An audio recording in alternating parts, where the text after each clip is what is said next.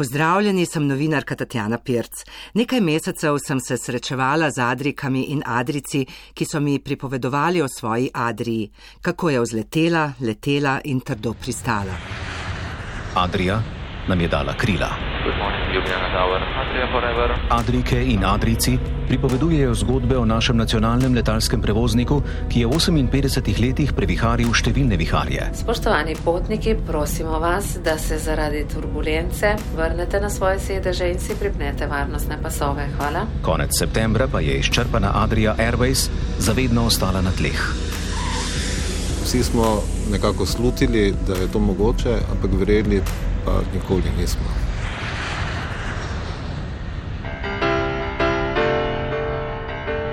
Val 202, šesta epizoda podcasta Adria Forever. Drzne prosojne bluzice niso skrile spodnjega perila.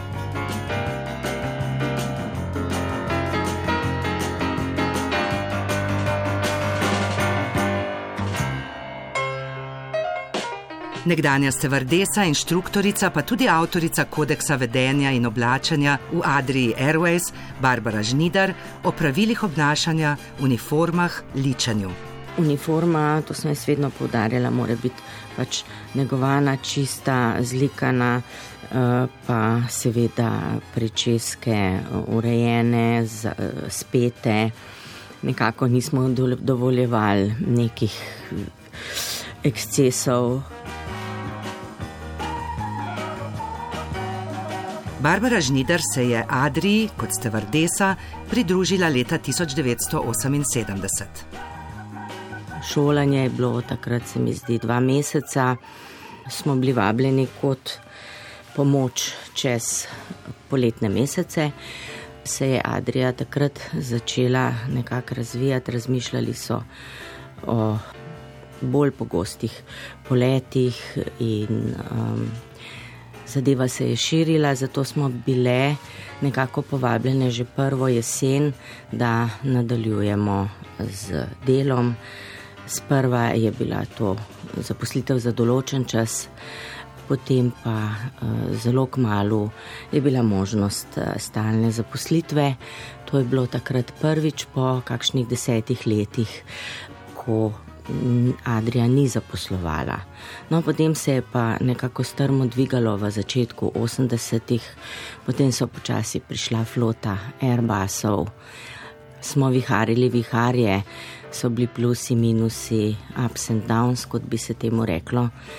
In v glavnem je bilo pa delo naporno, tako psihično kot fizično, vendar smo bili, veliko nas je bilo takih, ki smo bili naravno zaljubljeni v ta poklic, zato smo ga tudi nadaljevali.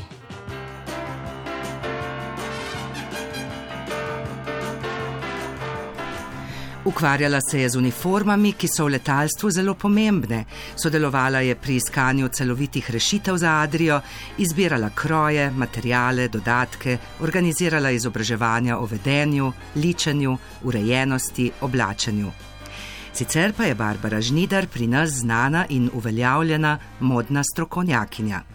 Moj partner, ki je eh, tudi moj sopotnik, življenjski sopotnik, Sašo Radovič, je eh, svoje, kako bi rekla, študentske čase stopal tudi po modnih barveh, potem pa ga je začelo zanimati tudi za odrje in nekako potem sva se skupaj odločila, da bova uh, poskušala določene stvari tudi v Sloveniji malo dvigniti na nek nivo.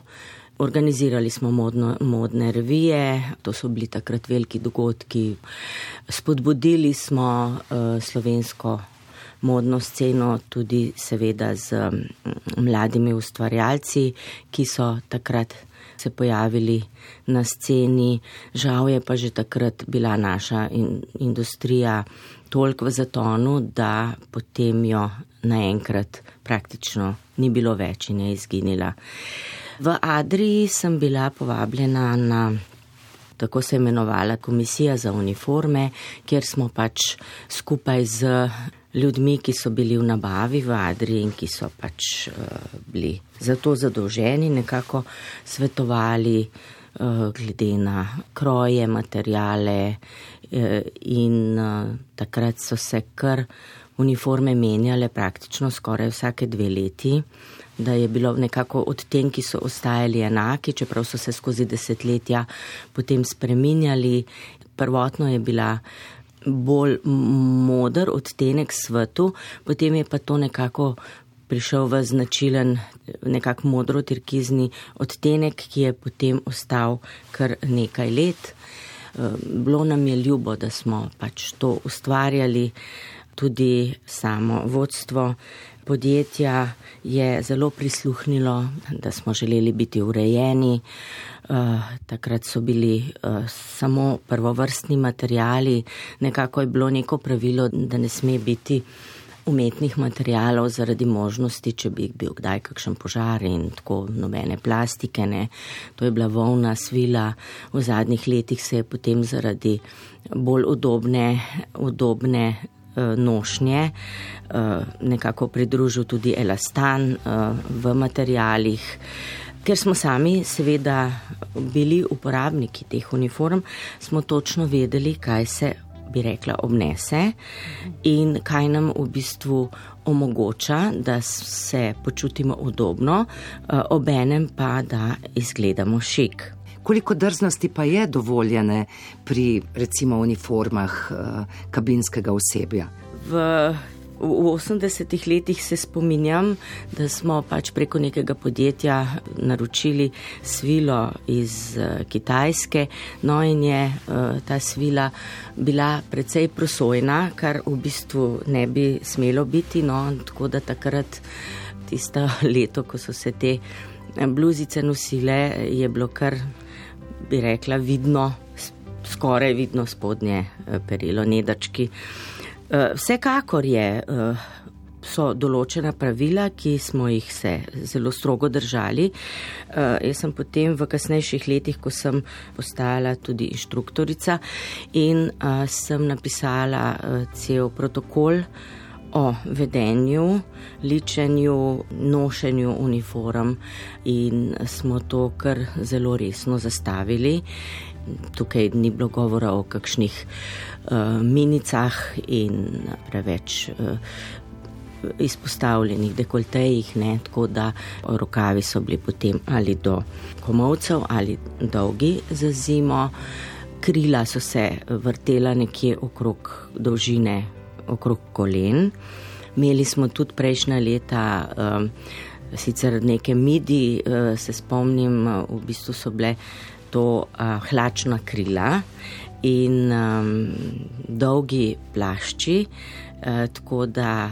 Uh, So se nekateri kar šalili, da smo košinjeli na bitki na Sutjeski. To so bili res praktično skoraj dotavno, tako da res eh, zanimivo je pogledati to eh, zgodovino, kako so se uniforme spreminjale. Je bilo veliko tega izgubljenega, ker se namensko takrat od začetka niso zbirali kosi od vsake serije uniform, da bi se ena namensko spravila za arhiv. V zadnjih letih je bilo pa tudi pravilo, da se morajo stari kosi uniforme um, vračati, kar je tudi prav, ker uh, potem, ko smo bili priča uh, vedno bolj nemirnemu svetu in možnosti kakšnih uh, nepredvidenih, celo ciljano terorističnih nakan, na, namenov, da potem se nekdo ne pritih utapi v uniformi. Tukaj so tudi seveda značke, vsi, vsi ti eh, potem seveda identifikacijske kartice. Tako da s tem se je potem vedno bolj skrbno uh, postopalo. Vse je bilo pa seveda tako klasičen kostin, bi rekla, mala oblekica. Um, Hlače, potem so v nekaterih uh, pravzaprav v, v zadnjem času in tudi prej je bila del uniforme, so bile tudi hlače. v 80-ih smo nosili, nosili predpasnike, eh, ampak moram reči, da so bili kar praktični, glede na to, da se doskrat tudi zgodi kakšna nesreča s kavo, s čajem. Imeli smo pa te občutljive materijale, ki so seveda tudi zahtevali neko skrbno njego, vsi eh, niso tega znali, nekateri smo bolj skrbno delali z in odgovorno za kosi uniforme, nekateri malo manj. Je pa zelo pomembno, seveda, ne samo uniforma, ampak tudi cel izgled um, in, in seveda vedenje, obnašanje. Uh, to je tudi bilo kar pomemben del predavanj, uh, ki smo jih imeli tudi za novo prihajajoče generacije. Smo seveda te ta pravila smo tudi seveda sodobno predstavili. Vabljeni so bili frizeri in, in bi rekla, make-up artisti, ki so nekako neke osnovne stvari kolegom in kolegicam pokazali. Del teh pogovorov so bile osnovna higiena, žal pač to je tudi del vsega tega, vseh teh pravil o pač tetovaže niso bili recimo dovoljene oziroma še vedno niso, uh, pač če, če je tetovaža mora biti skrita, potem stjuardi brez brad in brkov, ne, urejene pričeske, potem tudi ličenje, ker je uh, problem z to hladno svetlobo na letalu, da če nisi naličen, izgledaš, kot da bi iz groba vstal, ne, si čist. Uh, kot da bi ti izpili vso kri iz, iz obraza. Eh, sem bila zelo ponosna, da smo 2008 potem nekako zastavili čisto na novo z uniformami. Sašom sva planirala se nam je zdelo super, da bi bilo to že ob prehodu tisočletja leta 2000, na kar seveda nekako ni bilo dovolj posluha. No, potem smo pa leta 2008 to uh, kompletno zavrteli na novo. Glede na to, da sem sama bila uporabnica, seveda sem natančno vedela, kaj se obnese, kaj ne.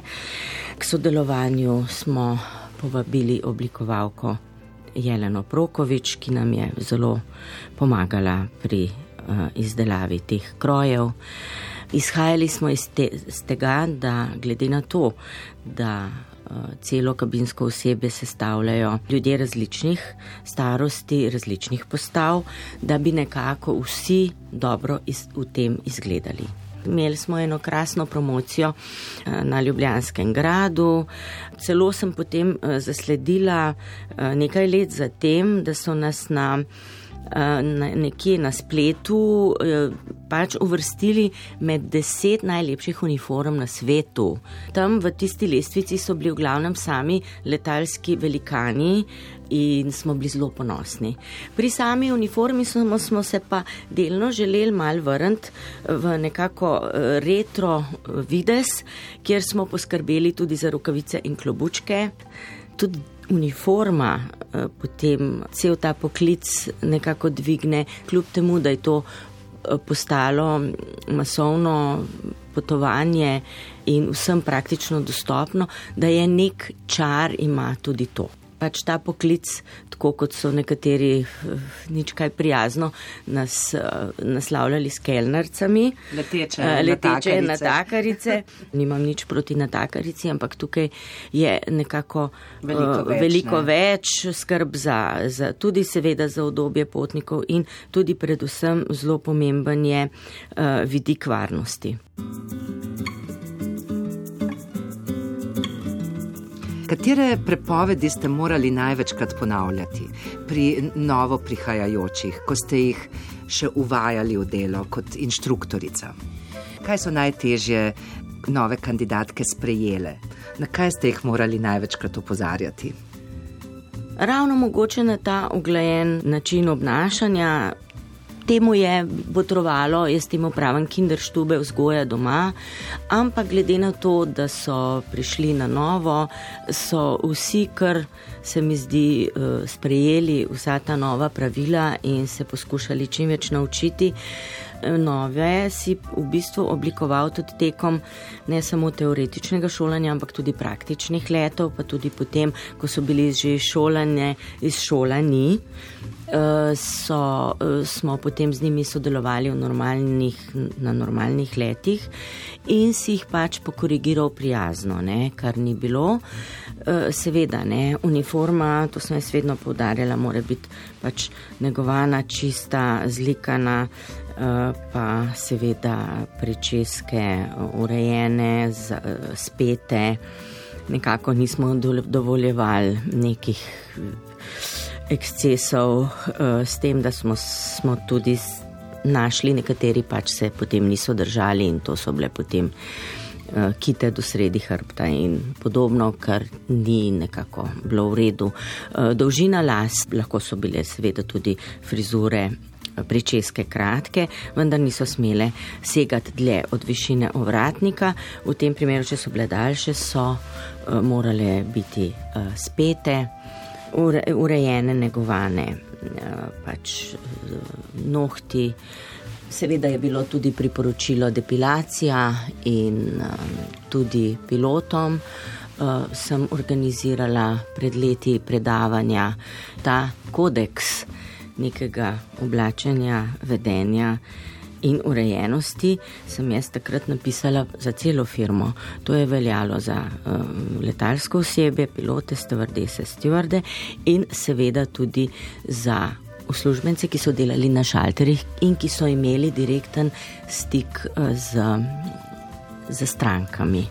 Žal se je pa potem te uniforme izrodilo, ko, so, potem, ko je ta nemški sklad prevzel Adrijo, lastniki niso plačevali in na kar potem tudi niso več bili pripravljeni pošiljati uniforme, izdelovalci. Celo osebje je komaj kombiniralo uh, še, da so bili kolikor toliko spodobno oblečeni, niso imeli niti toliko kosov, tako da so morali potem vse te uporabljati čistilnice, pralnice v hotelskih kompleksih, tako da je bilo na koncu že kar res stanje neozdržno tudi na tem področju. To je bila Barbara Žnidar v šesti epizodi podcasta Adria Forever. Najdete nas na val 202.si in v vaših aplikacijah za podkaste. Kapitan in člani posadke Adria Airways in Vala 202 vam želimo prijeten let novinarka Tatjana Pirc in mojster zvoka Vjekoslav Mikes. Poletite z nami.